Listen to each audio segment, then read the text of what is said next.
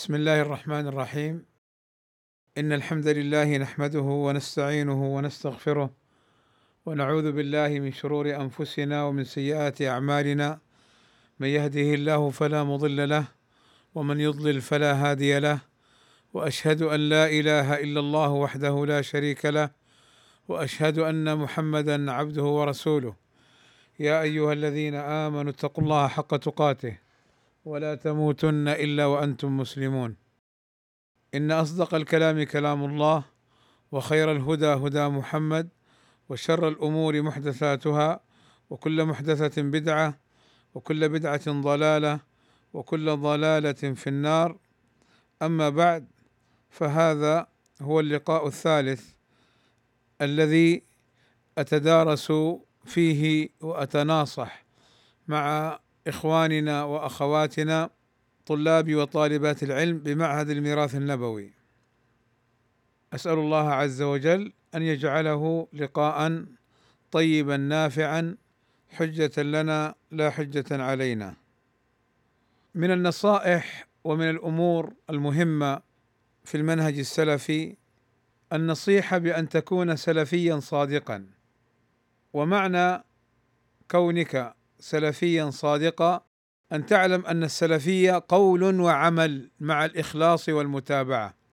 أن السلفية قول وعمل لأن السلفية هي المنهج الحق وكل ما خالفها باطل مردود.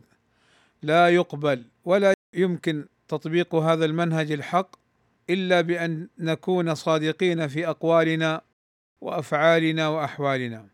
فالسلفية ليست مجرد دعوة يزعم الإنسان فيها أنه سلفي مع أن أعماله تخالف هذا المنهج.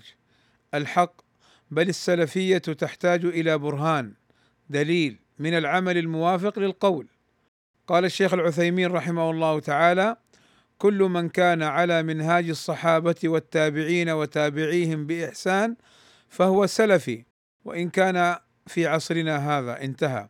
فقوله كل من كان على منهاج أي على طريقتهم وسبيلهم قولا وعملا.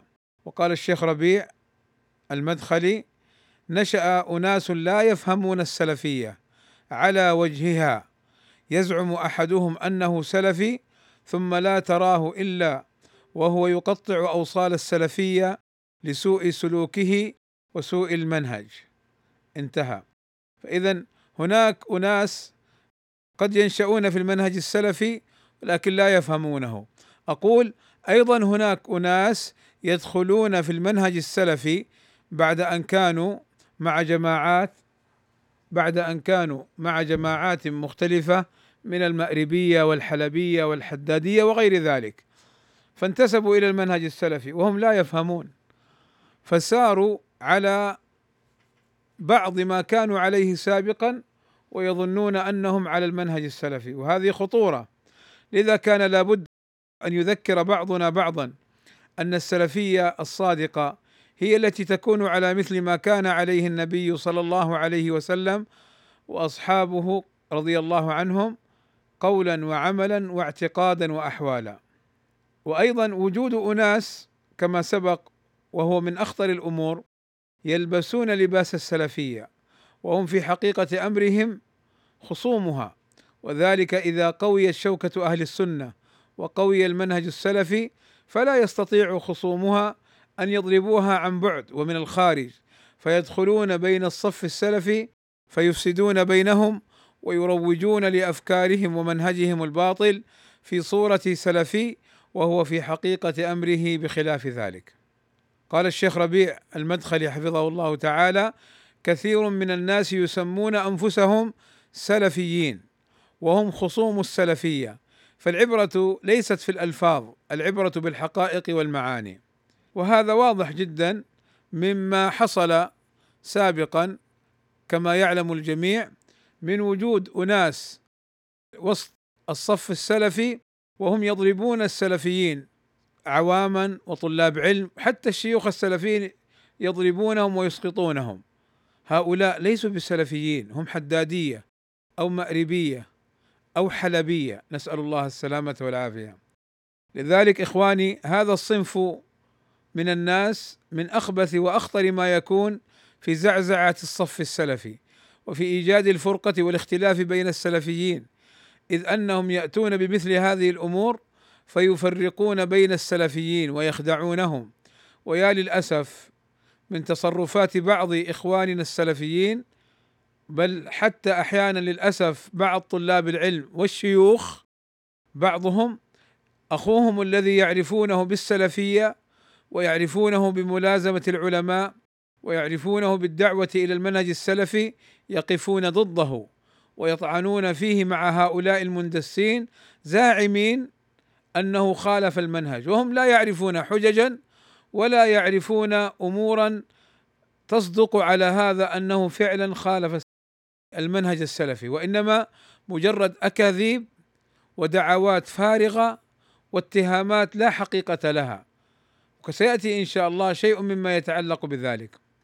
فأقول أما أولئك المندسون الذين جاءوا من الصفوف الأخرى من الحدادية أو من المميعة أو من غيرها قل ما شئت من المناهج المخالفة ينصرونهم ويدافعون عنهم ويذبون عنهم كما قال النبي صلى الله عليه وسلم سيأتي على الناس سنوات خداعات يصدق فيها الكاذب ويكذب فيها الصادق ويؤتمن فيها الخائن ويخون فيها الأمين وينطق فيها الرويبضة. قيل وما الرويبضة يا رسول الله؟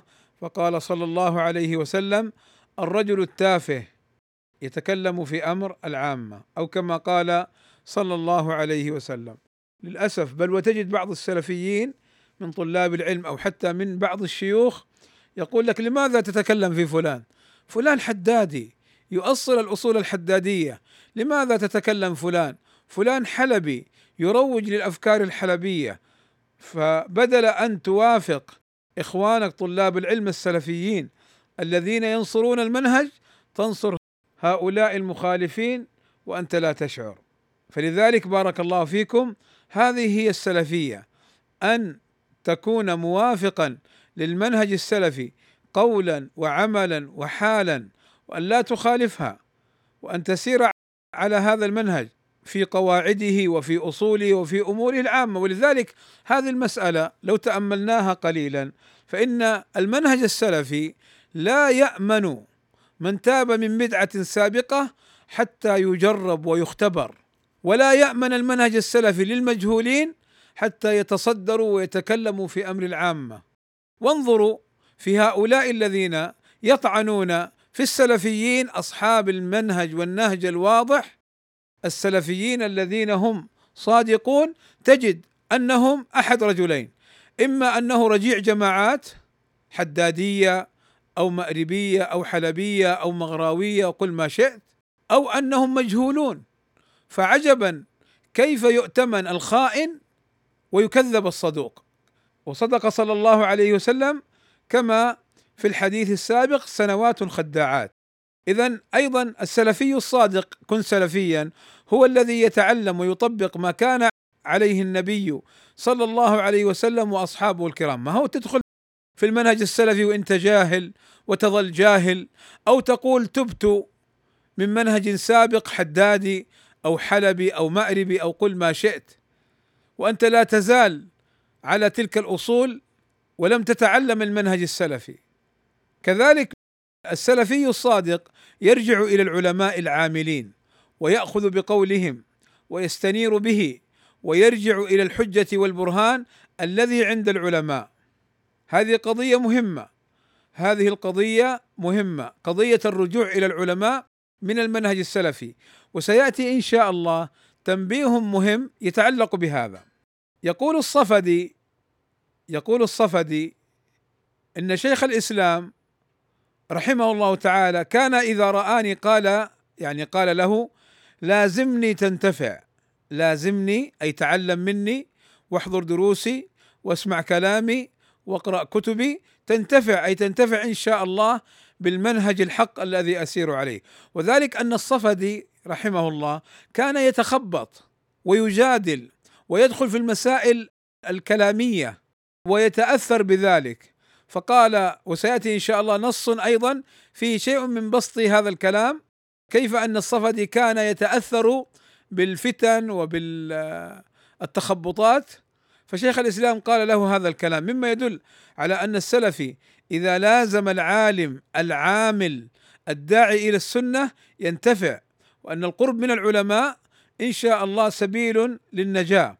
قال الشيخ مقبل الوادعي رحمه الله إن الناس أي طلاب العلم والعوام منذ تركوا الرجوع إلى العلماء تخبطوا. فالرجوع إلى العلماء وانتبهوا لهذا الأمر يعني أخذ ما عندهم من حجة وبرهان والعمل به. ولذلك قال بعض أهل العلم ليس من منهج السلف التقليد والتعصب بدون دليل.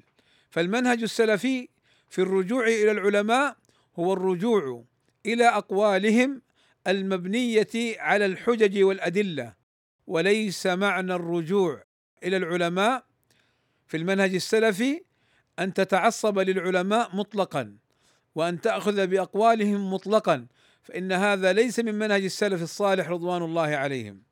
وهنا وتنبهوا لهذا الأمر هنا تنبيه مهم جدا إخواني بارك الله فيكم. وهو أن بعض الناس يعلم السلفيين أن معنى الرجوع إلى العلماء أن تأخذ بكلامهم ولا تخالفهم ابدا. وإذا خالفتهم ولم تقبل قولهم فأنت تطعن فيهم وأنت غير سلفي. أقول دعوني إخواني بارك الله فيكم.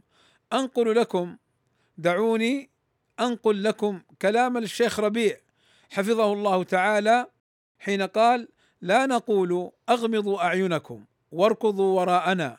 بل نقول ادرسوا بفهم وعقل ووعي وقارنوا بصدق وإخلاص انتهى هل الشيخ ربيع يطعن في العلماء؟ هل الشيخ يدعو إلى مخالفة العلماء؟ الشيخ يدعو إلى المنهج الحق كلام العالم إذا كان مبني على الدليل فأنت تحتج بالدليل والعالم دلك إلى ذلك أما كلام العالم إذا كان مجرد رأي واجتهاد منه فلا يلزم الأخذ به يقول الشيخ الفوزان حفظه الله يجب على كل عاقل أن ينظر في أقوال الناس فيميزها ويفحصها ويرى الخطأ من الصواب فيقبل الحق ويرد الخطأ ولا يحمله التقليد الأعمى على البقاء على الباطل. وقد نبه الصنعاني رحمه الله تعالى على فرقان في المنهج السلفي فقال فرق بين تقليد العالم في جميع ما قاله وبين الاستعانة بفهمه وهو الثاني يعني الاستعانة بفهم العالم وهو الثاني بمنزلة الدليل في الطريق فهو دليل إلى دليل فإذا وصل إليه استغنى بدلالته عن الاستدلال بغيره ونظيره من استدل بالنجم على القبلة فإذا شاهد القبلة لم يبقى لاستدلاله بالنجم معنى انتهى. فإذا علمتم هذه المسألة المهمة تأملوا حجة من يطعن في بعض الشيوخ السلفيين ما حجته؟ يقول يخالف العلماء لا يسمع كلام العلماء. فالذي يلزم الناس بقول العالم الذي هو اجتهاد منه فاعلم أنه مقلد متعصب جاهل. قال شيخ الإسلام ابن تيمية رحمه الله تعالى كان أئمة السنة والجماعة لا يلزمون الناس بما يقولونه من موارد الاجتهاد ولا يكرهون احدا عليه. انتهى. تأمل هذا الكلام. تأمل أخي هذا الكلام. الرجوع إلى العلماء يعني أن تأخذ العلم الذي عندهم المبني على الحجة والدليل. قال صلى الله عليه وسلم العلماء ورثة الأنبياء. ثم بين ما هو الإرث؟ قال ورثوا العلم. العلم الكتاب والسنة وما كان عليه الصحابة رضوان الله عليهم. فإذا كان كلام العالم مبني على الدليل وموافق للدليل يلزم كل أحد الأخذ به. أما إذا كان اجتهاد منه فلا يلزم كل أحد الأخذ به. فإلزام الناس بقول العالم مطلقا ليس من السلفية في شيء. بارك الله فيكم. إخواني أيضا السلف الصادق يحذر من البدع وأهلها ويحذر أن يكون حاله كحال أهل البدع. قال ابن مسعود رضي الله عنه من أحب أن يكرم دينه فليعتزل مجالسة أصحاب الأهواء فإن مجالستهم ألصق من الجرب. فالسلفي الصادق يبتعد عن أهل البدع من حدادية وأذنابهم وأضرابهم ومن حلبية وأذنابهم وأضرابهم ومن مأربي وأذنابهم وأضرابهم. يبتعد عن مجالستهم ولا يمدحهم ولا يثني عليهم.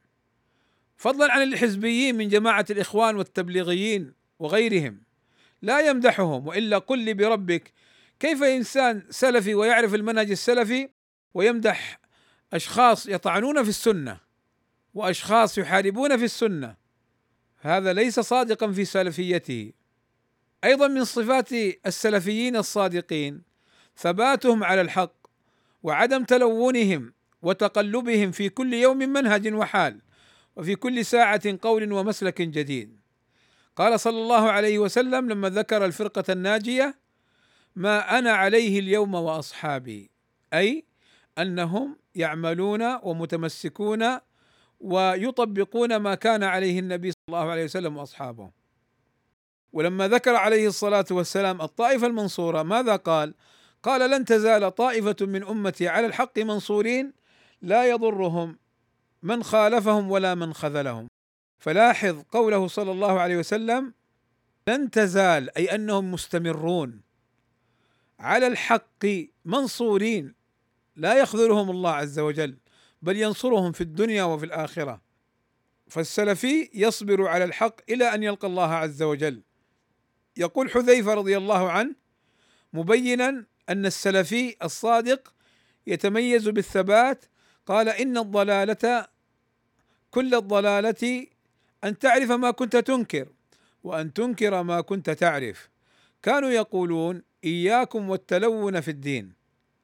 إذا ما معنى التلون؟ معنى التلون أن لا تثبت على الحق وإنما ما وافق هواك قلت به وما وافق حزبك قلت به وما وافق مقاصدك ومآربك قلت به وإن خالف الحق فتكون كالحرباء متلون في كل مكان بما يناسبك فالحرباء متلونة في كل مكان بما يناسبها. وأما السلف فيثبت على الحق إلى أن يلقى الله عز وجل. لذلك إخواني لما حصلت الفتن سابقا والفتن التي نعيشها للأسف وجدنا بعض إخواننا انقلبوا وأصبحوا يتخبطون في الفتن. وينكرون ما كانوا يعرفون ويعرفون ما كانوا ينكرون. هؤلاء ليسوا سلفيين صادقين. يقول الشيخ ربيع إن الثبات على السنة معناه الثبات على الإسلام بكليته أصوله وفروعه عقائده ومناهجه نثبت عليه ونتمسك به حتى نلقى الله عز وجل. انتهى. وهذا إخواني أمر مهم أن تثبت على الحق وعلى المنهج السلفي ولا تتخبط.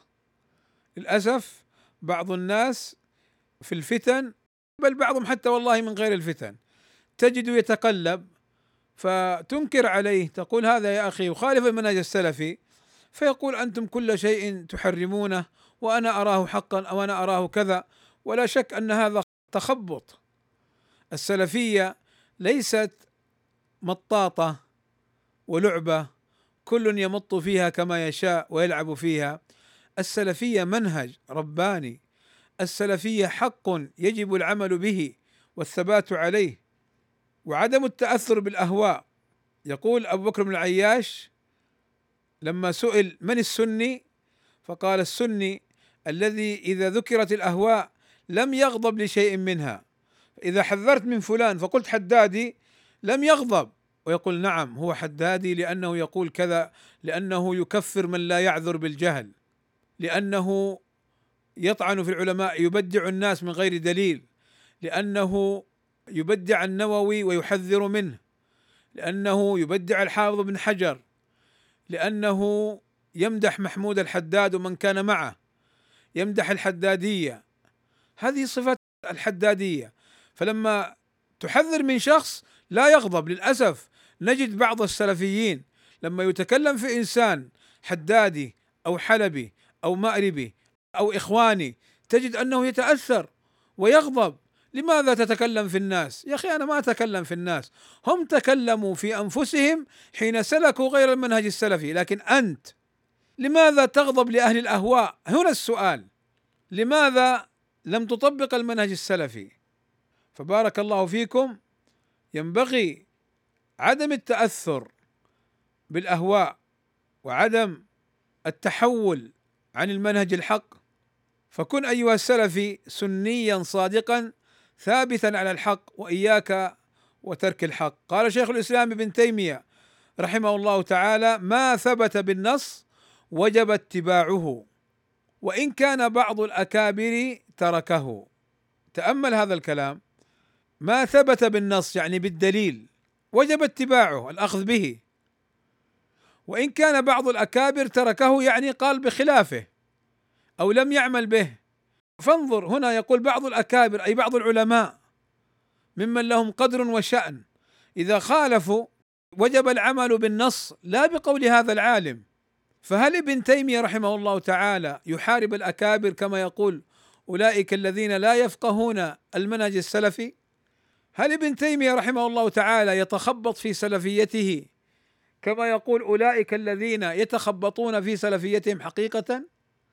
يقول التويجري رحمه الله تعالى إن العلماء لا تعظم أقدارهم ويعتد بأقوالهم بمجرد التفخيم لهم والتنويه بذكرهم وإنما يعتبرون باتباع الحق واجتناب الباطل. انتهى. والسلفي الصادق أيضا يكون قصده الحق ويتعلق به قال الشيخ ربيع حفظه الله تعالى من قصد الحق وصل إليه إن شاء الله. فأخلص لله واصدق وسوف تدرك الحق من الباطل إن شاء الله بعد الأخذ بالأسباب. وهذا أمر مهم أن يكون قصدك الحق لا الدنيا ولا المناصب ولا غير ذلك كما سيأتي. يقول الشيخ العنجري حفظه الله الشيخ محمد العنجري هناك فرق بين من يريد الحق أي يسعى له وإذا وقف عليه يعمل به وينصره وبين من يريد العلو بالحق. ولو قال بالحق لا للحق ولكن لنفسه انتهى. اذا هذا فرق دقيق. فكم من إنسان يدعي أنه يريد الحق وهو في حقيقة أمره إنما يريد أن يعلو على الناس وأن يرفع من نفسه لا يريد أن يعلو الحق من حيث هو. لذلك هؤلاء تجد في هذه المسألة ينصر الحق لأنه يريد أن يعلو بها وتوافق هواه. وفي مسألة أخرى الحق فيها أوضح وأظهر لا ينصر الحق بل يخالفه بل وقد يحاربه. فالسلفي الصادق مقصده وهمه وعزمه وإرادته تكون في طلب الحق وقصده والوصول إليه. فقصد الحق أيضا يعني عدم التعصب يعني عدم التعصب للأهواء وعدم التعصب للأشخاص وعدم رد الحق والعمل بالباطل.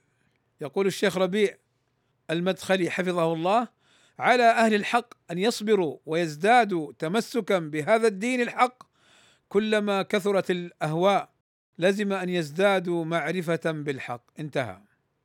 ولا تلتفت أيها السلفي الصادق بكثرة القائلين بخلاف الحق كما مر معنا. لماذا؟ إذا كنت سلفيا صادقا لا تلتفت لكثرة المخالفين لأنك تعلم أن الحق جماعة وإن كنت وحدك. فالأنبياء صلوات ربي وسلامه عليهم يأتون يوم القيامة كما أخبرنا النبي صلى الله عليه وسلم بعضهم يأتي معه الرهط الجماعة قليلة وبعضهم يأتي ومعه الرجل والرجلان وبعضهم يأتي ولا أحد معه. لذلك نحن نقول في القاعدة السلفية وسيأتي مثل هذا اعرف الحق تعرف أهله. ونقول أيضا استدل ثم أعتقد. استدل ثم أعتقد. يقول الشيخ العثيمين رحمه الله تعالى استدل ثم أعتقد. ولا تعتقد ثم تستدل. لماذا؟ قال لأنك إذا اعتقدت ثم استدللت ربما يحملك اعتقادك على أن تحرف النصوص إلى ما تعتقده. انتهى. قلت وأكبر مثال على ذلك ما نراه من بعض إخواننا السلفيين للأسف الشديد. يعتقد أن هذا العالم من العلماء الكبار وأن قوله كله حق ثم يستدل بهذا المعتقد على رد كل ما خالف هذا العالم دون النظر إلى أن يكون هذا الذي خالفه ذلك العالم حقا أم باطلا صوابا أم خطا. فلا شك أن هذا من الانحراف عن الجادة المستقيمة. فهذه المسألة مهمة. خلاص يعتقد أن هذا العالم سلفي وأن قوله كله حق. مهما تأتيه بالأدلة مهما تبين له خطأ العالم ما يلتفت. فهذا اعتقد ثم استدل. ولذلك نحن نستدل بقول النبي صلى الله عليه وسلم بأن العالم إذا اجتهد فأصاب له أجران وإذا أخطأ فله أجر واحد. ثم نعتقد أن العالم يصيب ويخطئ. تذكرون ذاك المهرج الليبي وذاك المذيع النائم الليبي؟ لما كانوا ينددون ويكادون يبكون كيف تقول العالم يصيب ويخطئ؟ كيف تخطئ العلماء هؤلاء مقلدة متعصبة جهال لم يفهموا المنهج السلفي فوا اسفا كيف يستقيم الظل والعود أعوج؟ فكيف يربون الشباب وعلى ماذا يربون؟ يربونهم على هذه الانحرافات؟ على هذه الخزعبلات؟ على هذه الأمور غير المستقيمة؟ إذا كان المتصدر للدعوة أعوج ما حال المدعوين؟ لذلك إخواني المنهج السلفي منهج حق واضح. لا غبار فيه. من خالفه ينكشف. ولكن أيضا مهم لنا نحن السلفيين أن نتنبه لهذه الأمور وأن نعرف ما معنى المنهج السلفي. ولا نكون كما يقول الشيخ ربيع في بعض كلماته كالبغبغاوات التي تردد أي كلام تسمعه دون فهم وتعقل. نحن ميزنا الله عز وجل بالعقل وكلفنا أن نعمل بالدليل من الكتاب والسنة وما كان عليه سلف الأمة. وحذرنا من الأخطاء والانحراف وراء الأخطاء. لذلك إخواني أيضا من الأمور المهمة في السلفي الصادق أنه يعترف بخطئه ويرجع عن باطله ويقول الحق ولو كان على نفسه. قال صلى الله عليه وسلم قل الحق ولو على نفسك. بعض الناس من المتصدرين من طلاب العلم بل حتى بعض الشيوخ للأسف يخطئ ويصر على خطئه ويصر على ما قد فعله مما يجب التراجع عنه للأسف الشديد. فهذا لا شك أنه يخالف المنهج السلفي ولا يدل على صدق في السلفية. فالسلفي ينصر الحق ولو على نفسه ويتراجع عن الخطأ. فالحديث يقول صلى الله عليه وسلم قل الحق ولو على نفسك اعترف ولو أنك تعترف بأنك أخطأت. ولو كان هذا الاعتراف قد يكلفك بعض الشيء. قال عمر بن الخطاب رضي الله عنه في وصيته لأبي موسى الأشعري فإن الرجوع إلى الحق خير من التبادي في الباطل. وقال عمر بن الخطاب رضي الله عنه من خلصت نيته في الحق ولو على نفسه كفاه الله ما بينه وبين الناس. ومن يزين لهم بما ليس في قلبه شانه الله شانه بمعنى فضحه وأخزاه. فإن الله تعالى لا يقبل من العباد إلا ما كان خالصا. إخواني المؤمن الصادق أيضا لا يتعرض للفتن. يقول ابن تيمية مبينا خطر التعرض للفتنة. قال التعرض للفتنة هو من باب الذنوب. لماذا من باب الذنوب؟ كما سيأتينا إن شاء الله لأننا مطلوب منا شرعا وتاملوا هذا. مطلوب منا شرعا البعد عن الفتن خاصة من لا يحسنها. ومن يحسنها من العلماء يتعامل معها بحذر لا مطلقا. فاذا الذي يتعرض للفتنة خالف الشرع. فلذلك قال شيخ الإسلام ابن تيمية التعرض للفتنة هو من باب الذنوب. قال فالمؤمن الصادق لا يفعل إلا ما أمر به. أنت سلفي مأمور بأن تبتعد عن الفتنة وتخوض في الفتن. أنت سلفي مأمور بعدم إشعال الفتن وتشعل الفتن. أنت سلفي مأمور بأن لا تقف ما ليس لك به علم وتقف ما ليس لك به علم. أنت سلفي مأمور بأن لا تكذب ولا تخدع وتخدع الناس. وتتلاعب بعقولهم وقلوبهم لتزين حالك أو تدافع عن نفسك فإن هذا لا شك. كما يقول شيخ الإسلام بن تيمية التعرض للفتنة هو من باب الذنوب فالمؤمن الصادق لا يفعل إلا ما أمر به فإن ذلك هو عبادة ولا يستعين إلا بالله. انتهى. وسيأتي إن شاء الله مزيد كلام متعلق بالفتن. إخواني أيضا المحن تميز الصادق من الكاذب. المحن تميز السلفي الصادق من الكاذب. الفتن والمحن تميز السلفي الصادق من الكاذب. يقول السعدي رحمه الله تعالى إذا وجدت المحن فالمقصود منها تبيين المؤمن الصادق من الكاذب فإنها تمحص المؤمنين وتظهر صدقهم. انتهى. بمعنى الفتن والمحن تبين الثابت على الحق تبين من فهم المنهج السلفي وسار عليه. تبين من يخشى الله فيحذر الفتن والكذب والمخادعة والحيل واللعب بدينه.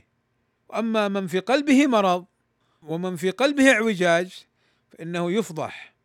يقول ابن قيم الجوزية رحمه الله تعالى مبينا فوائد المحن على المؤمن قال ومنها أن يتميز المؤمن الصادق من المنافق الكاذب.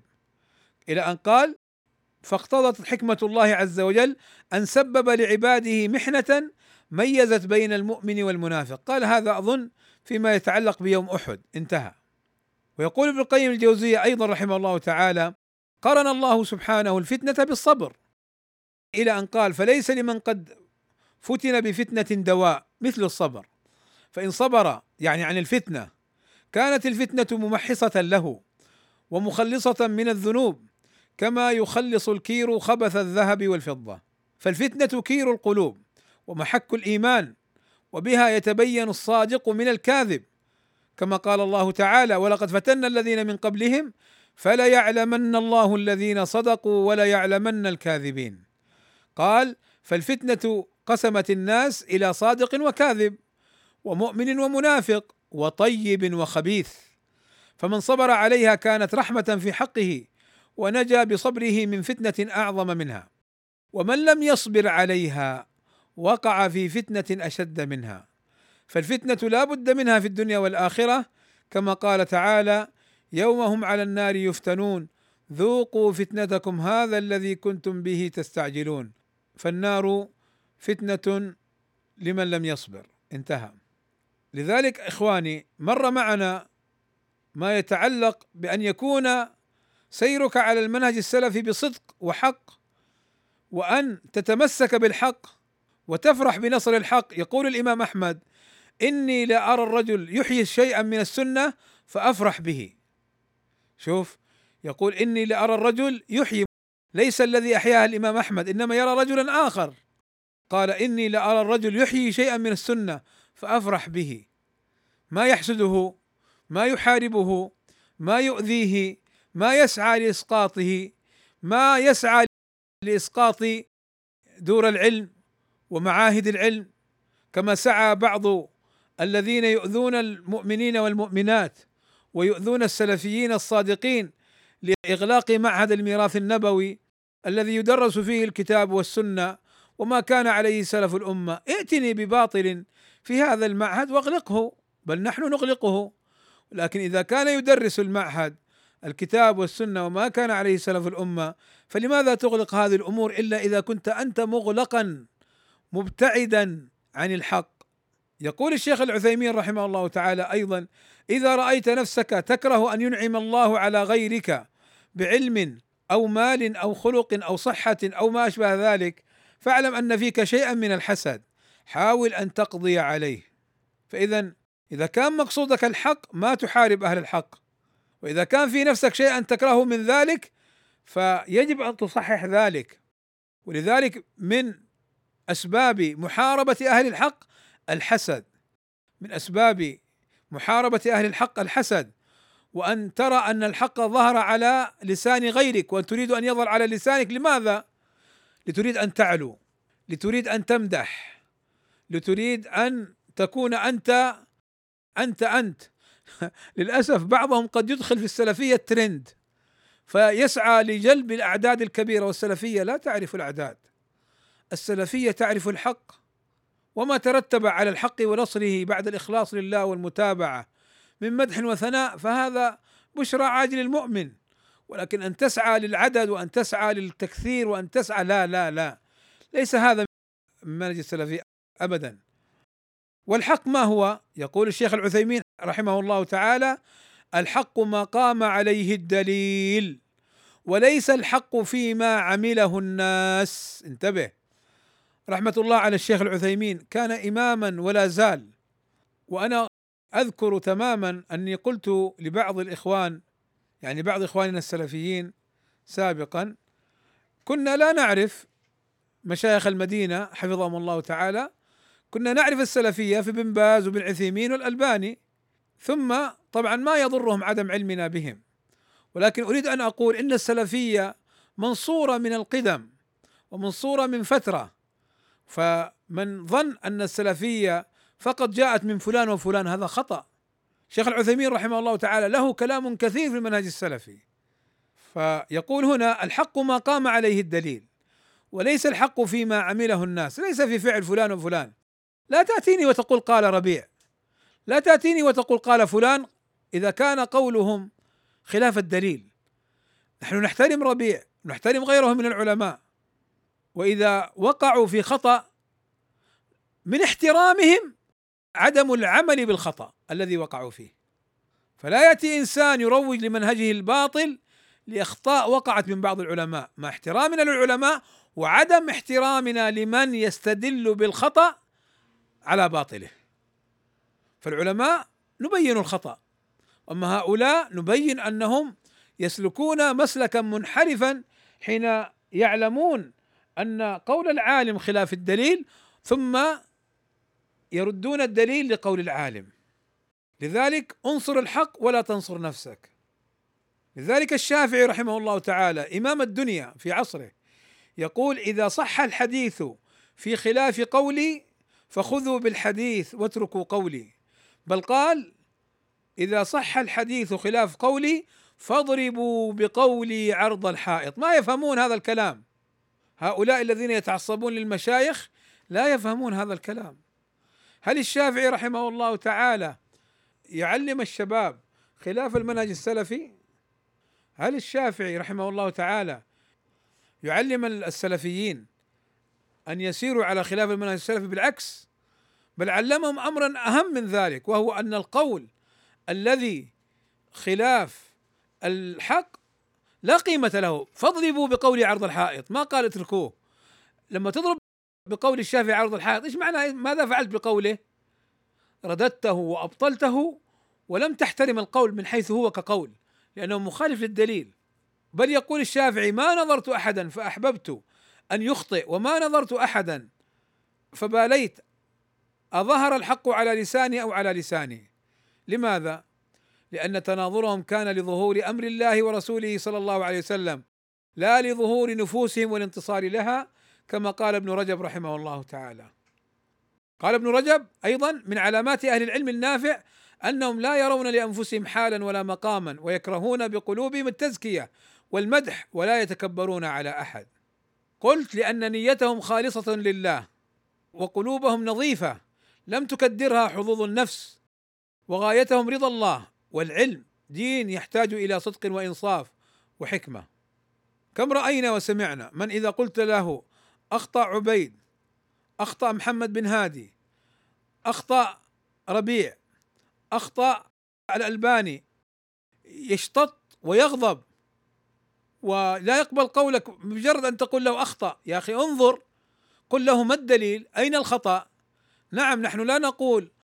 قد يصدر من بعض السفهاء من طخطأة العلماء بجهل. لا لا نقول بهذا. ولكن هنا لما نقول أخطأ العالم معناه أن قوله خلاف الدليل. فالعالم مهما كبر فضلا عن غيره ممن دونه قوله إذا كان خلاف الدليل لا يعتبر. فلا تأتيني وتقول فلان من الأكابر. لو كان من أكبر الأكابر في نظرك أو عند غيرك أو عند أهل الأرض كلهم وكان قوله خلاف الدليل فالواجب العمل بالدليل كما مر معنا من كلام ابن تيمية رحمه الله تعالى.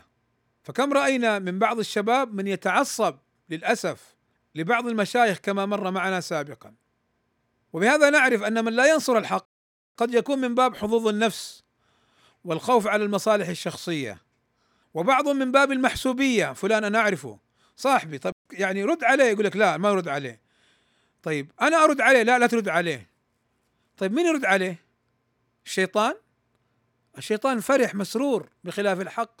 الشيطان كما مر معنا باللقاء القريب الثاني لما قال ابن عباس لا أحد في الأرض يفرح الشيطان بموته بمثل موتي أنا. لأنه لما تأتيه الفتنة يخمدها في مكانها. فلذلك من أسباب عدم نصر الحق المحسوبية وخاصة أيضا قد تدخل فلان من قبيلتي ما أستطيع أرد عليه. طيب يا أخي لا ترد عليه. خلي غيرك يرد. لا لا ترد عليه. إيش هذا؟ هو المنهج السلفي. يعرف القبيلة أو الجهة أو المكان؟ المنهج السلفي على الحق. كذلك قد يكون الحفاظ على المكانه والظهور بالاعتدال. وعدم التدخل بينما تراه لمصالحه الخاصة يثور كالثور الهائج. والله رأيناهم. بعضهم ما يريد الرد الردود ويقول يا أخي لا ترد على الناس. يا أخي هذا أخونا. فإذا جاء أخونا هذا وأخذ منه ريال أو ريالين أو أخذ شيئا من حقه أو تكلم فيه فيما يخصه ثار كالثور الهائج. يعني في أمور دينك تصير كالفأر. مندسا كالنعامة وفي أمور دنياك ومصالحك الشخصية تصير كالثور ليس هذا المنهج السلفي وليس هذا صدقا في المنهج السلفي للأسف الشديد. ولذلك إخواني بارك الله فيكم أنا أنصح نفسي وأنصح إخواني طلاب العلم والمشايخ أن يتقوا الله في هذه المواقف. بعض المشايخ يبلغه أن فلان رد على فلان في كيت وكيت وكيت. ما ينظر أين الخطأ ولا ينظر أين الحجة ولا ينظر أين الحق. مباشرة فلان متسرع عجول عجول في عينك. أنت العجول الآن. لما تقف هذا الموقف من مسألة محتملة للخطأ والصواب تعجلت في الرد مطلقا. عليك أن تنظر هل قال بالحق فتنصره هل قال باطلا فترد عليه أيضا. ما في إشكال. متعجل متسرع. أين التعجل والتسرع؟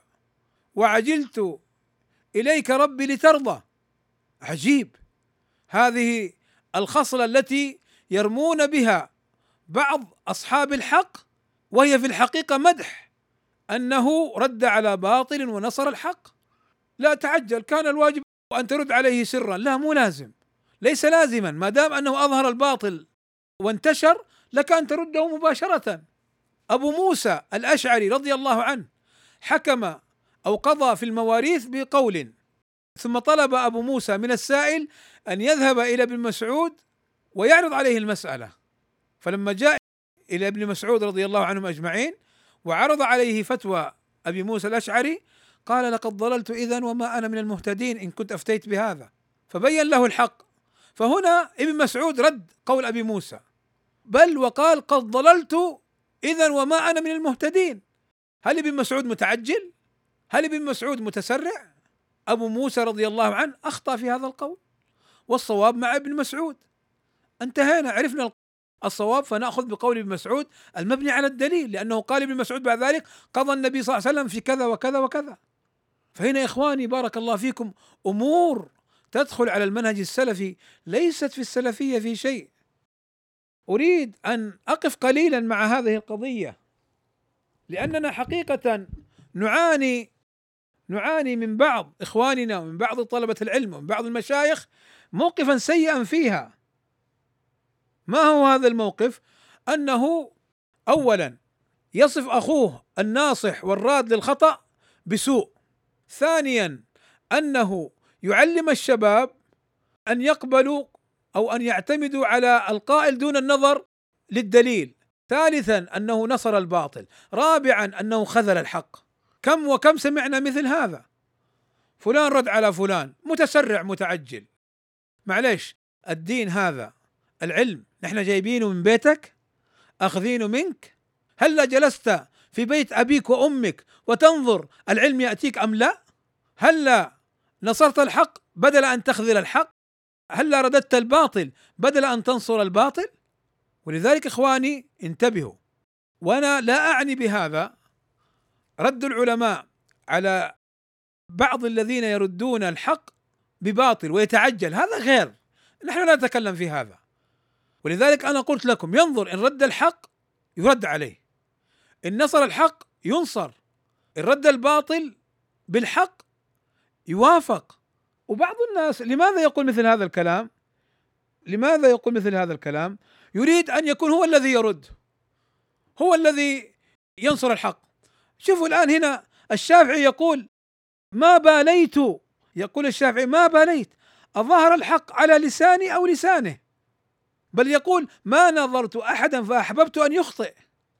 أما أنت إذا جاءك أن فلان رد متعجل. أنت طب أنت إيش سويت؟ أنت مرددت وأنت صغير؟ وغيرك رد وهو صغير والعلماء يردون وهم صغار يعني في مقتبل شبابهم مع تأهلهم علميا ومر معنا في اللقاء الماضي أن الحق يقبل من قائله ولو كان صغير السن وسيأتي أيضا شيء من ذلك فلذلك إخواني انتبهوا من هذه التصرفات التي لا تدل على صدق في السلفية بل ولا توافق السلفية. قال شيخ الإسلام ابن تيمية رحمه الله تعالى: من أعرض عن اتباع الحق الذي يعلمه تبعا لهواه فإن ذلك يورثه الجهل والضلال حتى يعمي قلبه عن الحق الواضح ويوجد في المتبع لهواه من الذل ذل النفس وضعفها ومهانتها ما جعله الله لمن عصاه. فإن الله جعل العزة لمن أطاعه والذلة لمن عصاه. انتهى. ولذلك إخواني بارك الله فيكم يقول البربهاري المجالسة للمناصحة فتح باب للفائدة والمجالسة للمناظرة غلق باب للفائدة ما المعنى؟ ما المعنى؟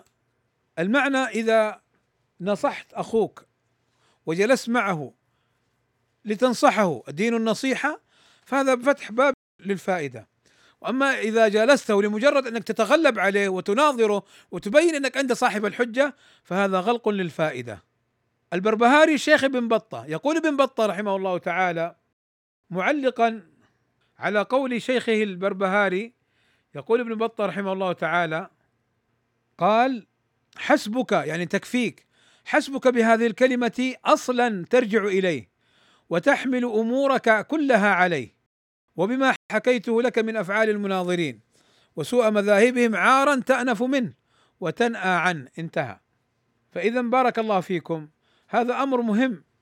أمر مهم أن تنصر الحق. إذا علمت أنه حق فليست القضية كبر ولا صغر.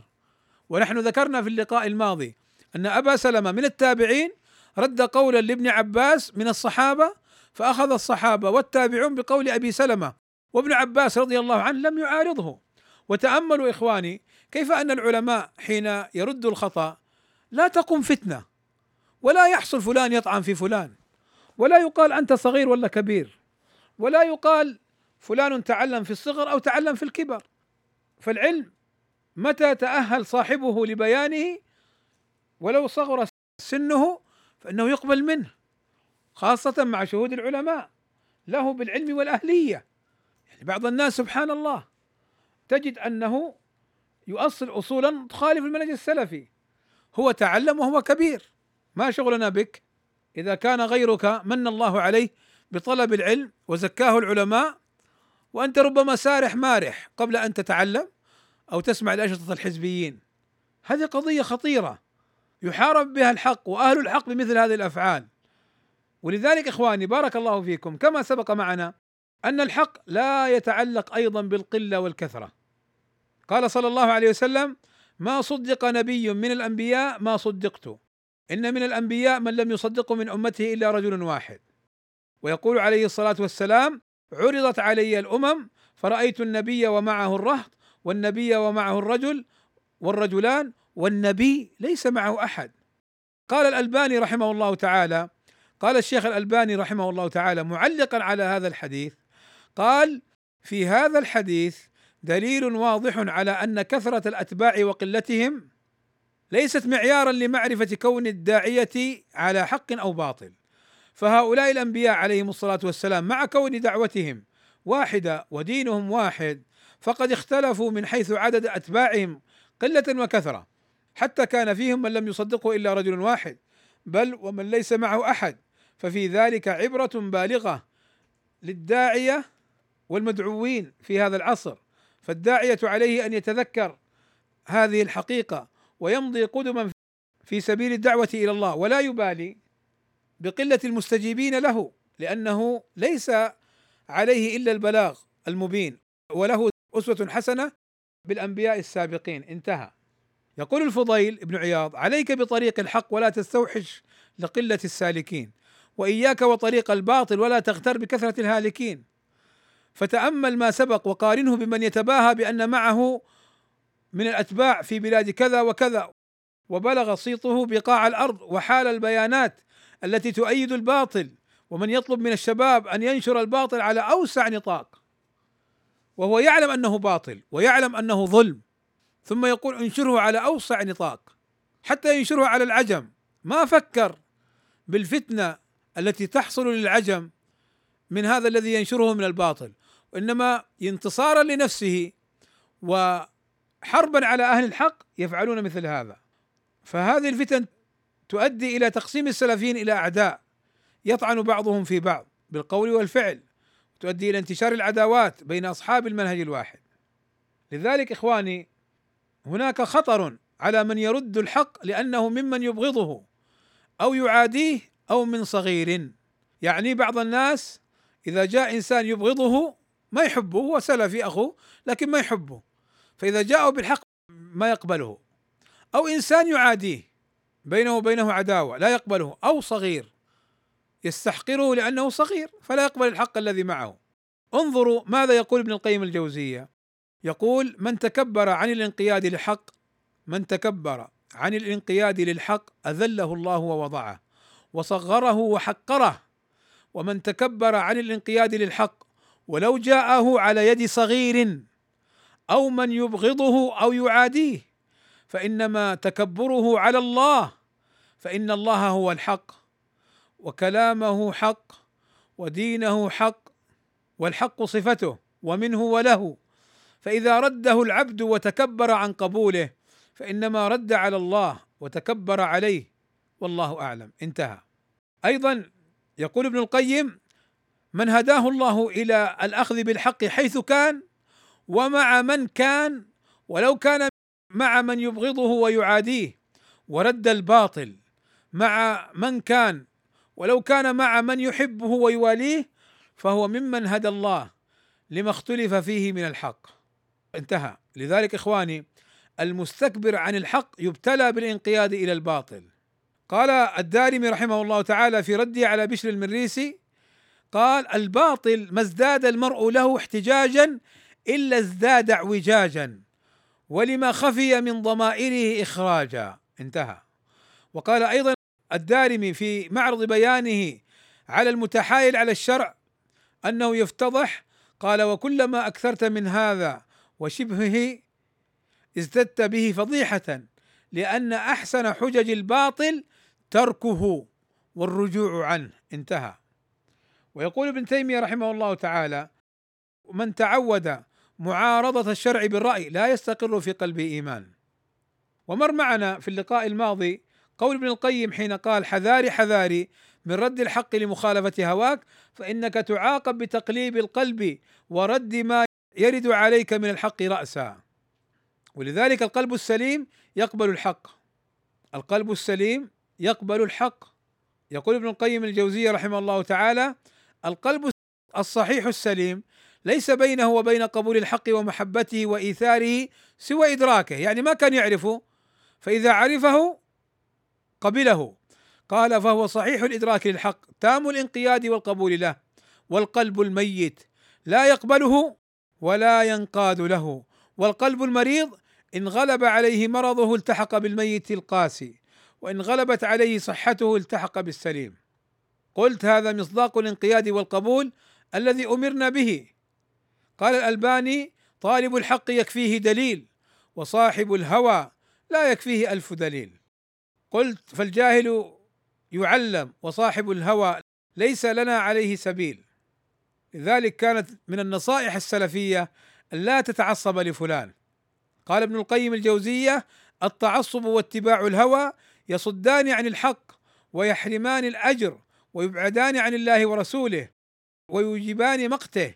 ويخرجان صاحبهما عن درجة الوراثة النبوية يعني العلم ويدخلان في أهل الأهواء والعصبية. انتهى. يقول ابن تيمية رحمه الله تعالى وكلامه هذا مهم لا بد أن تتأملوه. قال رحمه الله تعالى ليس لأحد من المعلمين ليس لأحد منهم أن يأخذ على أحد عهدا بموافقته على كل ما يريده وموالاة من يواليه ومعاداة من يعاديه. بل من فعل هذا كان من جنس جنكيز خان وأمثاله الذين يجعلون من وافقهم صديقا مواليا ومن خالفهم عدوا باغيا. قلت تأملوا حال بعض الناس في هذه الفتن. إذا تبين لك الحق وقلت بخلاف شيخه طعن فيك. وإذا أخذت بالباطل وهو يعلم أنه باطل أثنى عليك ومدحك.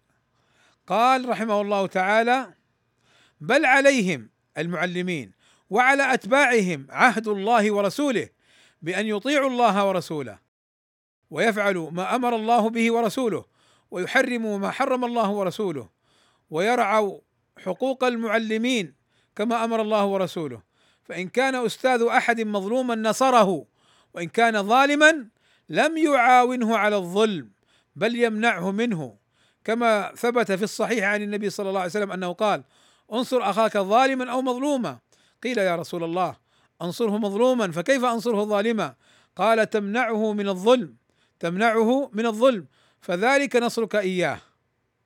وإذا وقع بين معلم ومعلم أو تلميذ وتلميذ أو معلم وتلميذ خصومة ومشاجرة لا تقل هذا والد يؤدبه. لا تدخل بينهم وأنت تعرف أنه ظالم وأنت تعرف أنه غير محق.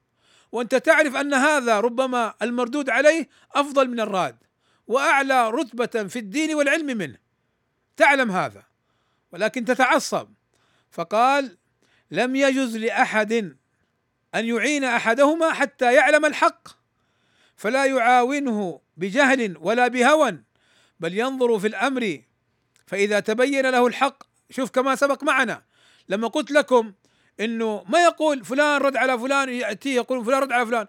متعجل متعجل. قال متسرع. قال لم يجز لأحد أن يعين أحدهما حتى يعلم الحق فلا يعاونه بجهل ولا بهوى. والله إنه لجهل وهوى. الذين إذا أتاهم خبر فلان أنه رد على فلان مباشرة يرد الكلام دون نظر دون نظر إنه أين الحق؟ أين الباطل؟ فقال لم يجز لأحد أن يعين أحدهما حتى يعلم الحق فلا يعاونه بجهل ولا بهوى بل ينظر في الأمر فإذا تبين له الحق أعان المحق منهما. على المبطل سواء كان المحق من أصحابه أو من أصحاب غيره وسواء كان المبطل من اصحابه أو أصحاب غيره فيكون المقصود عبادة الله وحده وطاعة رسوله صلى الله عليه وسلم واتباع الحق والقيام بالقسط. انتهى. يقول الألباني رحمه الله تعالى الدعوة السلفية لا تعرف التعصب لشخص معين أو لرأي معين إنما الحجة والبرهان والدليل. أقول فالدعوة السلفية بريئة من ذلك كل البراءة. فكون فلان شيخ سلفي لا يعني أنهم معصومون من الخطأ كما سبق معنا. بل العالم يصيب ويخطئ. بارك الله فيكم. إخواني أيضا من الأمور التي أنصح نفسي وإياكم بها الحرص والمحافظة على الأخوة بين السلفيين في الحق وعلى الحق. قال صلى الله عليه وسلم إياكم والظن فإن الظن أكذب الحديث. ولا تحسسوا ولا تجسسوا ولا تنافسوا ولا تحاسدوا ولا تباغضوا ولا تدابروا وكونوا عباد الله إخوانا كما أمركم. وقال صلى الله عليه وسلم المسلم أخو المسلم لا يظلمه ولا يخذله ولا يحقره. التقوى ها هنا التقوى ها هنا التقوى ها هنا. وأشار صلى الله عليه وسلم إلى صدره بحسب امرئ من الشر أن يحقر أخاه المسلم. انتبهوا.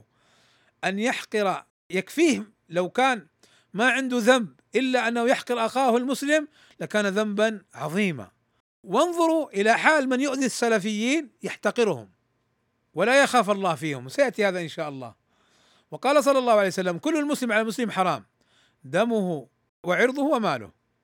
يقول الشيخ ابن باز رحمه الله تعالى أخوك من نصحك وذكرك ونبهك وليس بأخيك من غفل عنك وأعرض عنك وجاملك ولكن أخاك في الحقيقة هو الذي ينصحك والذي يعظك ويذكرك يدعوك إلى الله يبين لك طريق النجاح حتى تسلكه ويحذرك من طريق الهلاك ويبين لك سوء عاقبته حتى تجتنبه.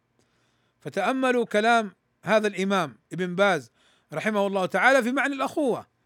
للأسف نجد بعض السلفيين ينصر بعضهم بعضا على الباطل ونجد بعض السلفيين يخذل إخوانهم الذين يعرفون أنهم على الحق. فهذه والله ليست أخوة. يقول الحافظ ابن حجر رحمه الله تعالى في تعليقه على حديث عمر لما رأى النبي صلى الله عليه وسلم كأنه غير مسرور فأراد أن يسره. فقال فيه أن المرء إذا رأى صاحبه مهموما استحب له أن يحدثه بما يزيل همه ويطيب نفسه. لقول عمر لأقولن شيئا يضحك النبي صلى الله عليه وسلم ويستحب أن يكون ذلك بعد استئذان كبير في ذلك كما فعل عمر. إخواني انظروا إلى هذا القول الذي سأنقله لكم من قول ابن عيينة. يقول ابن عيينة رحمه الله تعالى يقول سفيان بن عيينة رحمه الله تعالى لله در الثور بلغني أنه قال عجبا لرجل يعرف صاحبه بمودته ونصيحته ولا يعلم منه إلا خيرا خمسين سنة يعني مدة من الزمان ثم يأتيه رجل لا يعرفه فيخبره عنه بسوء فيقبله منه ويطرح معرفته. أقول هذا الأثر عظيم. ويتضمن فوائد كثيرة تستحق أن تكون في محاضرة. يمدح الثوري حين قال الثوري كيف يا صاحب السنة كيف يا سلفي؟ تعرف صاحبك قريب منك وأنه صاحب مودة ونصيحة ولا تعلم منه إلا الخير ثم يأتيه رجل لا يعرفه لا يعرف هذا الرجل فيخبره عنه بسوء فيقبله أي دون تثبت. ودون طلب للدليل ودون تحقق. نحن ما نقول فلان تعرف إن شاء الله لك تعرف لك خمسين ألف سنة ووقع في باطل ترد الباطل. لكن تقبل من رجل مجهول وأنت لم تتثبت ولذلك هو أشار بقوله ثم يأتيه رجل لا يعرفه فيخبره عنه بسوء فيقبله أي مباشرة ويطرح معرفته. لا قل يا أخي هذا أخي أنا أعرفه. صاحب حق ولكن خليني أتثبت. جزاك الله خير. أنت أخبرتني بهذا. أنا سأنظر. أنا سأبحث. أنا سأناصحه. أما تهجره مباشرة وتحذر منه مباشرة وتقبل قول المجهول مباشرة ولا تتثبت والله لو طبق كثير من السلفيين بل أقول لو طبق كثير من طلبة العلم بل أقول لو طبق كثير من الشيوخ السلفيين هذا الأمر لما وقعنا في كثير من المشاكل والفتن والمحن والإحن. والله إني لصادق في هذا الكلام. بل انظروا ماذا يقول الثوري. قال معلقا على قول جعفر بن عمرو بن حريث. يقول جعفر بن عمرو بن حريث لا ينبغي للعاقل أن يسمع من ذي غيبة فإن المغتاب عندك اليوم مغتاب لك غدا. قال الثوري لقد صدق. أقول بارك الله فيكم بعضهم يستهين بعوام وطلاب العلم السلفيين. بل حتى العلماء قال ابن تيمية رحمه الله من عرف ما أمر الله به وما نهى عنه وعمل ذلك فهو الولي لله وإن لم يقرأ القرآن كله أي لم يحفظه وإن لم يحسن أن يفتي الناس ويقضي بينهم. اذا لا تحتقر قد يكون وليا لله ما دام أنه يعرف الحق ويعمل به. وتذكر وأذكر نفسي وعلى أولئك أن يتذكروا. بقول الله تعالى في الحديث القدسي من عاد لي وليا فقد آذنته بالحرب إخواني لا يستدل كما يفعل الحلبي والمأربي في تحايلهم وتلاعبهم بالحق بمثل هذه النصوص على أن المراد لا ترد على المبطل، ليس كلامنا في هذا الباب. من وقع في الباطل ومتى ثبت أنه باطل يرد عليه. ولا تدخل هذه النصوص في هذا الباب.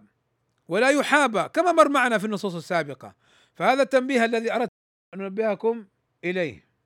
لذلك إخواني أنصح نفسي وإياكم وأنصح أولئك ال...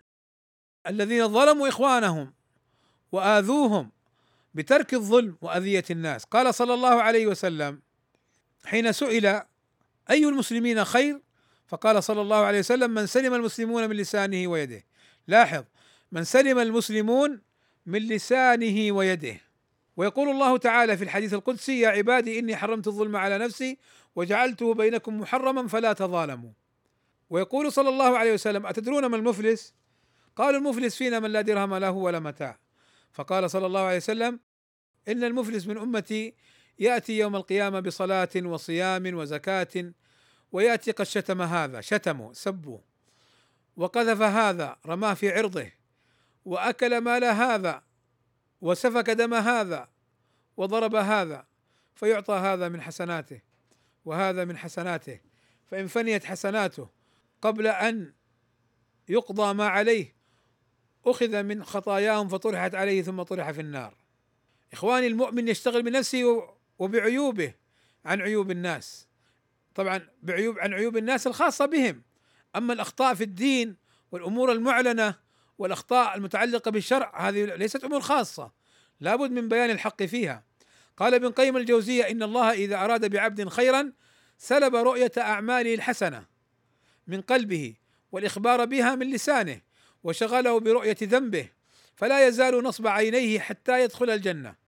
قال فإن ما تقبل من الأعمال رفع من القلب رؤيته ومن اللسان ذكره. أقول بارك الله فيكم ومن أكثر ما وقع الظلم على الإخوة هو من باب الجرح والتعديل. فيحاربونهم ويطعنون في أعراضهم. طبعا العرض الطعن في العرض سواء بالقذف أو حتى بالجرح غير الثابت الجرح الظلم وكلاهما يقع وأكثره الثاني. انظروا ابن القيم الجوزية ماذا يقول؟ لا ينبغي للعاقل أن يقلد الناس في المدح والذم. ولا سيما تقليد من يمدح بهوى ويذم بهوى. فكم حال هذا التقليد بين القلوب وبين الهدى؟ ولم ينجو منه إلا من سبقت له من الله الحسنى. ما ينبغي؟ فلان مجروح لماذا مجروح؟ لكذا وكذا.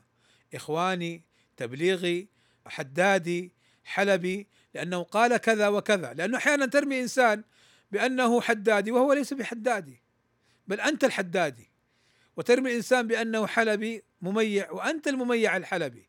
فلا بد من المعرفة. قال الحافظ بن عبد البر كان أصحاب رسول الله صلى الله عليه وسلم لا يثنون على أحد إلا بالصدق ولا يمدحون إلا بالحق لا لشيء من أعراض الدنيا شهوة أو عصبية أو تقية.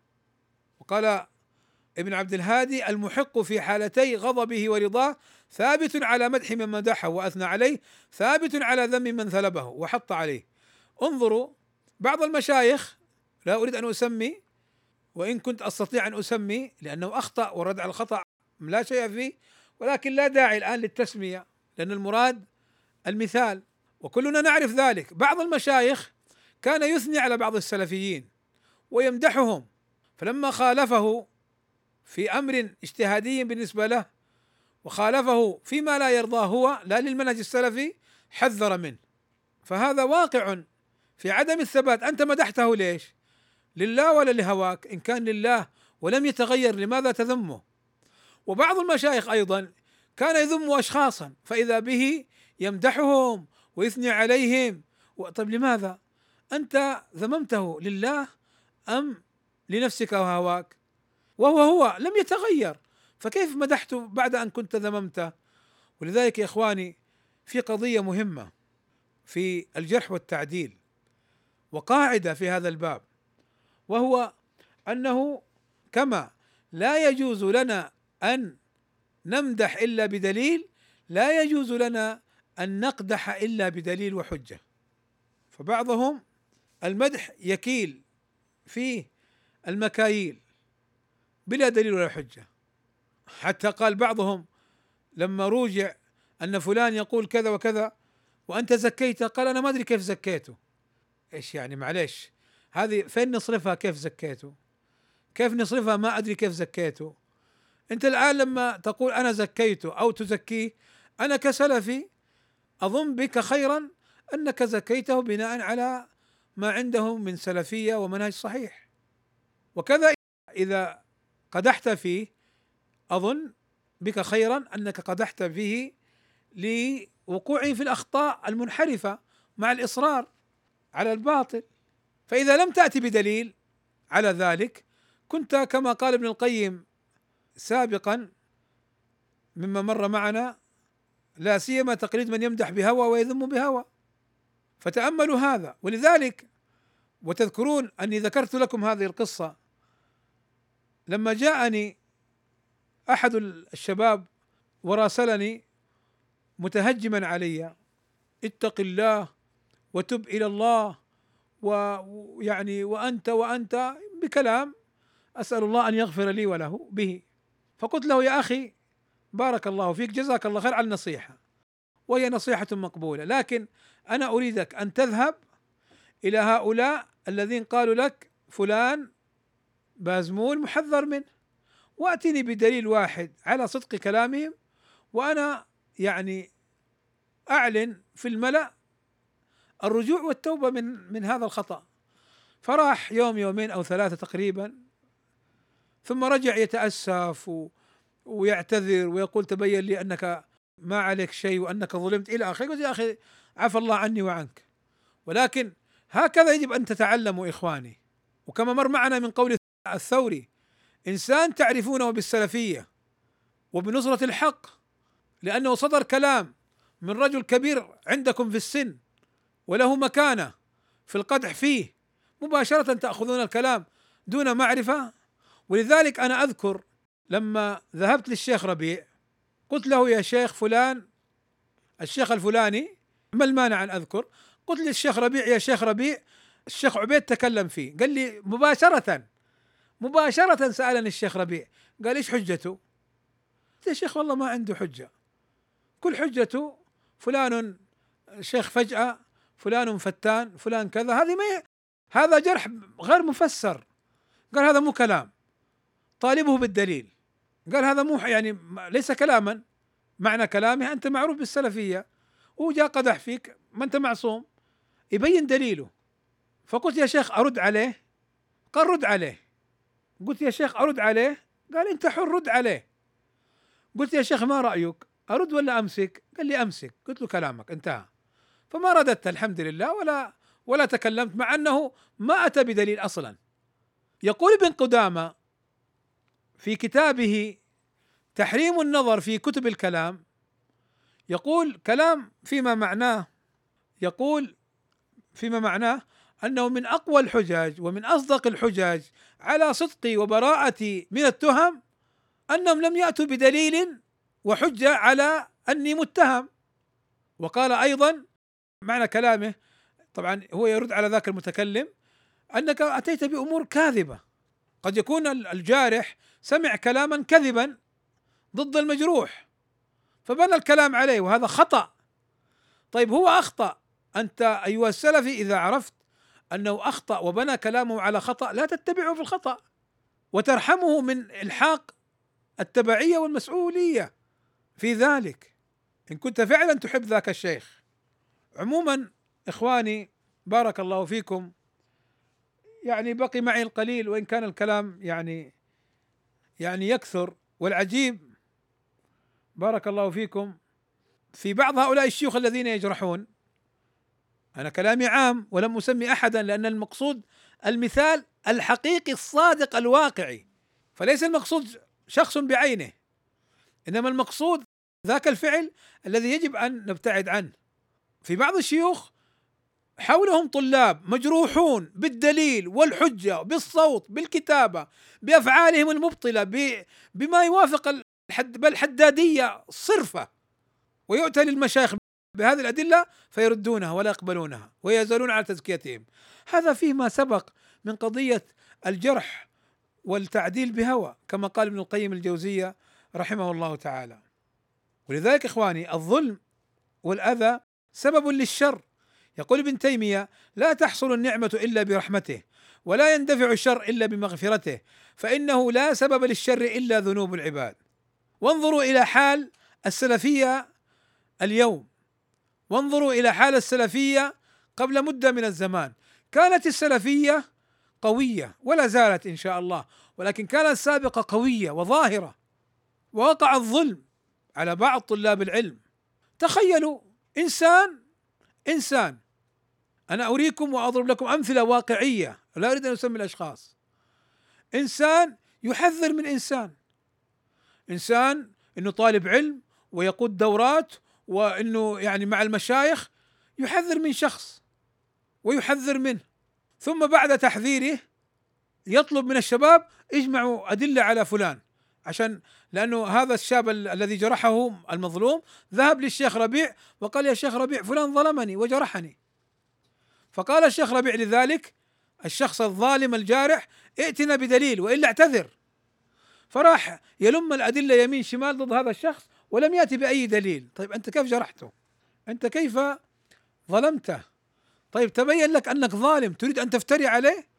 تريد أن يعني تجمع ضده حتى ما ليس بجرح لينجرح؟ بدل أن ترجع عن باطلك وتتوب وتستغفر الله. ولذلك إخواني بارك الله فيكم بعض المتصدرين في الدعوة السلفية يحتاج إلى تربية سلفية ويحتاج أن ينقوا أنفسهم ويهذبوها وأن يتعلموا الصدق في السلفية. والله إنهم يتلاعبون. والله بعضهم يعرف أن الحق في خلاف قولهم خلاف قول شيخه ومع ذلك يتلاعب وينصر أهل الباطل. إخواني أيضا أمور أريد أن أذكرها سريعا مخالفات في فهم السنة. بعضهم يظن أن أمر السنة سهل ويمكن مخالفته وهذا لا شك أنه خطأ. فعن سلمة بن الأكوع أن رجلا أكل عند رسول الله صلى الله عليه وسلم بشماله فقال له صلى الله عليه وسلم كل بيمينك. قال لا أستطيع. فقال صلى الله عليه وسلم لا استطعت. ما منعه إلا الكبر قال فما رفعه إلى فيه إلى فمه. أيضا قصة الرجل الذي صلى بعد الفجر ركعتين ركعتين ركعتين فرماه سعيد بن المسيب بحصى. فقال الرجل لسعيد أيعذبني الله على صلاتي؟ فقال لا ولكن يعذبك لخلافك للسنة أي لمخالفتك للسنة. وقال سليمان بن حرب من زال عن السنة بشعرة فلا تعتدن به. أيضا من الأخطاء التي يقع فيها بعض الناس أنه يظن أنه يجوز ترك السنة لقول فلان وفلان. أنه يجوز له له أن يترك الدليل لقول فلان وفلان. قال عبد الله بن عمر سنة رسول الله صلى الله عليه وسلم أحق أن تتبع من سنة ابن عباس. وقال عمر بن عبد العزيز لا رأي لأحد مع سنة سنها رسول الله صلى الله عليه وسلم. إخواني من النصائح تجنب الفتن. قال صلى الله عليه وسلم إن السعيد لمن جنب الفتن ولمن ابتلي فصبر. وقال عبد الله بن عمرو بن العاص رضي الله عنهما بينما نحن حول رسول الله صلى الله عليه وسلم إذ ذكروا الفتنة أو ذكرت عنده. فقال صلى الله عليه وسلم إذا رأيت الناس قد مرجت عهودهم وخفت أماناتهم وكانوا هكذا. وشبك الراوي بين أصابعه. قال رضي الله عنه فقمت إليه فقلت كيف أفعل عند ذلك؟ جعلني الله فدائك فقال صلى الله عليه وسلم إلزم بيتك. يعني لا تأخذ في الفتنة. واملك عليك لسانك لا تتكلم فيها. وخذ ما تعرف من الحق ودع ما تنكر من الأمور التي تعلم أنها منكرة قبل الفتنة. وعليك بأمر خاصة نفسك ودع عنك أمر العامة لا تشتغل. وقال صلى الله عليه وسلم سلامة الرجل في الفتنة أن يلزم بيته. أحاديث صريحة وواضحة أن يجتنب السلف الفتنة. وللأسف تجد بعض السلفيين يخوض في الفتنة ولا يتورع عن الخوض فيها. لذلك كان من أسباب الفتنة ترك ما أمر الله به. يقول شيخ الإسلام ابن تيمية رحمه الله تعالى ولا تقع فتنة إلا من ترك ما أمر الله به. فإنه سبحانه أمر بالحق وأمر بالصبر فالفتنة إما من ترك الحق وإما من ترك الصبر. انتهى.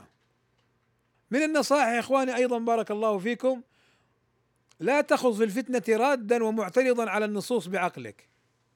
يعني بعض الناس يخوض في الفتنة لما تأتيه بالأدلة يردها ويعترض عليها. يقول الأجري إن قال قائل انتبهوا لهذا القول. كثير ممن يخوض في الفتنة يقول مثل هذا القول. يقول الأجري إن قال قائل إنما مرادي من ذلك لأن أكون عالما بما جرى بينهم. ها كثير من الشباب يقول أريد أن أعرف ما يقع في الساحة من الخلافات. فيتكلم ويخوض في الفتنة. فيقول إن قال قائل إنما مرادي من ذلك يعني الخوض في الفتنة لأن أكون عالما بما جرى بينهم فأكون لم يذهب علي ما كانوا فيه لأني أحب ذلك ولا أجهله. قيل له أنت طالب فتنة لأنك تبحث عما يضرك ولا ينفعك ولو اشتغلت بإصلاح ما لله عز وجل عليك فيما تعبدك به من أداء فرائضه واجتناب محارمه كان أولى بك واشتغالك بمطعمك وملبسك من أين هو أولى بك وتكسبك لدرهمك من أين هو وفيما تنفقه أولى بك. ولا تأمن أن تكون بتنقيلك وبحثك إلى أن يميل قلبك فتهوى. ما لا يصلح لك أن تهواه. ويلعب بك الشيطان فتزل عن طريق الحق وتسلك طريق الباطل. انتهى باختصار. وقال ابن القيم الجوزية وتأملوا هذا الكلام قال لي شيخ الإسلام ابن تيمية وقد جعلت أورد عليه إيرادا بعد إيراد يعني شبه فقال له ابن تيمية لا تجعل قلبك للإيرادات والشبهات مثل السفنجة فيشربها فلا ينضح إلا بها ولكن اجعله كالزجاجة المصمتة تمر شبهات بظاهرها ولا تستقر فيها فيراها بصفائه ويدفعها بصلابته وإلا فإذا أشربت قلبك كل شبهة تمر عليك صار مقرا لشبهات أو كما قال. قال ابن القيم فما أعلم اني انتفعت بوصية في دفع الشبهات كانتفاعي بذلك. قال ابن القيم وإنما سميت الشبهة شبهة لاشتباه الحق بالباطل فيها. تريد أن تخوض الفتن وزمن الفتن زمن شبهات يشتبه فيها الحق بالباطل؟ قال وإنما سميت الشبهة شبهة لاشتباه الحق بالباطل فيها فإنها تلبس ثوب الحق على جسم الباطل وأكثر الناس أصحاب حسن ظاهر فينظر الناظر فيما ألبسته من اللباس فيعتقد صحتها وأما صاحب العلم واليقين فإنه لا يغتر بذلك بل يجاوز نظره إلى باطنها وما تحت لباسها فينكشف له حقيقتها انتهى. وهذا واضح في الفتن. انظر الآن أنقل لكم كلام ابن تيمية مع الصفدي السابق. يقول الصفدي كان ابن تيمية إذا رآني قال يعني إيش الإيرادات إيش الأجوبة إيش الشكوك؟ قال ابن تيمية يقول يقول الصفدي الذي يخوض في الشكوك والفتن والمناقشات والإيرادات قال أعلم أنك مثل القدر التي تغلي.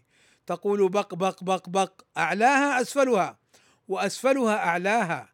لازمني تنتفع.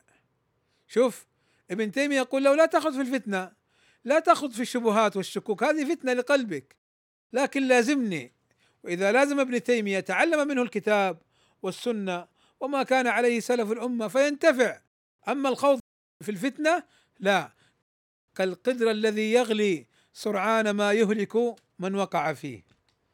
إخواني بارك الله فيكم. أيضا يقول الشيخ أحمد السبيعي في كلام له مهم حقيقة مبينا ميزة الباطل وميزة الحق.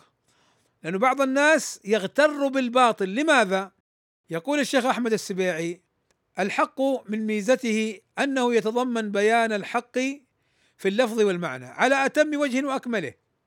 أما الباطل وأهل الباطل فمبنى بيانهم على الخداع. يا أخي لا تقل لا تمدح فلان لا تدافع على فلان إنه يطعن في المشايخ السلفيين. يا أخي إن فلان صاحب فتنة إن فلان طعن فيه العلماء. كلام يخدعك به. قال فمبنى بيانهم يعني حجتهم على الخداع وعلى الغش فيتخيرون من الألفاظ ما يلفت النظر ويستحسنه السامع فيتخيرون لباطلهم الفاظا تؤثر في الناس. أقول صدق حفظه الله فإن هذا حال أولئك الذين ينشرون الفتن ويحاربون أهل الحق ويظلمونهم ويؤذونهم بمثل هذه الألفاظ المبهرجة الخالية عن الدليل بل هي موافقة للباطل مخالفة للدليل. أسأل الله عز وجل أن يحفظني وإياكم من الفتن ما ظهر منها وما بطن وأن يجنبني وإياكم الفتنة. للأسف بعض الشباب يخوض في الفتنة وكما سبق معنا في اللقاء السابق عن ابن تيمية أنه ما يعرف أحد خاض في الفتنة وخرج منها سالما. إخواني بارك الله فيكم هذه جملة من النصائح والتوجيهات التي أنصح بها نفسي وأنصح بها إخواني وأخواتي طلاب العلم في كل مكان أن يأخذوا النصيحة المبنية على الكتاب والسنة وفهم السلف الصالح رضوان الله عليهم وأن يجتنبوا الأفعال المخالفة المنحرفة عن المنهج السلفي وأن يكونوا صادقين في الحق ومع الحق وأن يكونوا موافقين للحق وأن يخشوا الله لا يخشوا الناس. والله سمعنا من أشخاص كثيرين يقولون نعرف أن فلان وفلان على الحق وأن فلان وفلان على الباطل لكن ما نقدر نتكلم. طيب ليش؟ قال لك نخشى أن يحذر منا العلماء الذين هم حولهم. شوف يسلكون هذه المسالك يعرفون أنهم على غير الصواب ولكن يخافون من العلماء. لا يا أخي خف من الله عز وجل. خف من الله عز وجل وراقب الله عز وجل لا تراقب فلان وفلان. والله كم نسمع بل ونعلم يقينا من بعض الناس أنه يعلم أنه على الباطل وأنه منحرف عن الحق ويتظاهر بالسلفية ثم يخدع الناس. كما مر معنا من قول عمر بن الخطاب رضي الله عنه يزين لهم خلاف ما في قلبه. فإن هذا يشينه ويرديه ويهلكه إلا أن يتغمده الله بفضله ورحمته فيتوب ويرجع إلى الله عز وجل. فالتوبة بابها مفتوح. ما لم تبلغ الروح الحلقوم وما لم تطلع الشمس من مغربها. أسأل الله عز وجل أن ينفعني وإياكم بهذه النصائح والتوجيهات وأن تكون حجة لنا لا حجة علينا.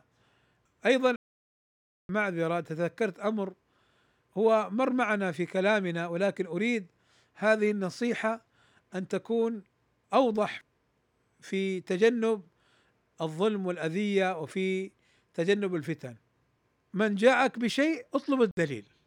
طالبه بالدليل والحجة. ليست الحجة قال فلان وقال فلان. ابدا. ليست الحجة قال فلان وقال فلان. ليست الحجة مع الشخص فنحن نعرف الدليل ونعرف أهله. أما الأشخاص لا نعلق بهم الأدلة. فإذا طالبته بالدليل وهذا مر من كلام ابن القيم وابن رجب وابن تيمية كما مر معنا سابقا. لكن مهم أن تعرف هذه القاعدة. أسأل الله أن ينفعني وإياكم بما سمعنا وأكتفي بهذا القدر. صلى الله وسلم على نبينا محمد وعلى آله وصحبه أجمعين. والحمد لله رب العالمين.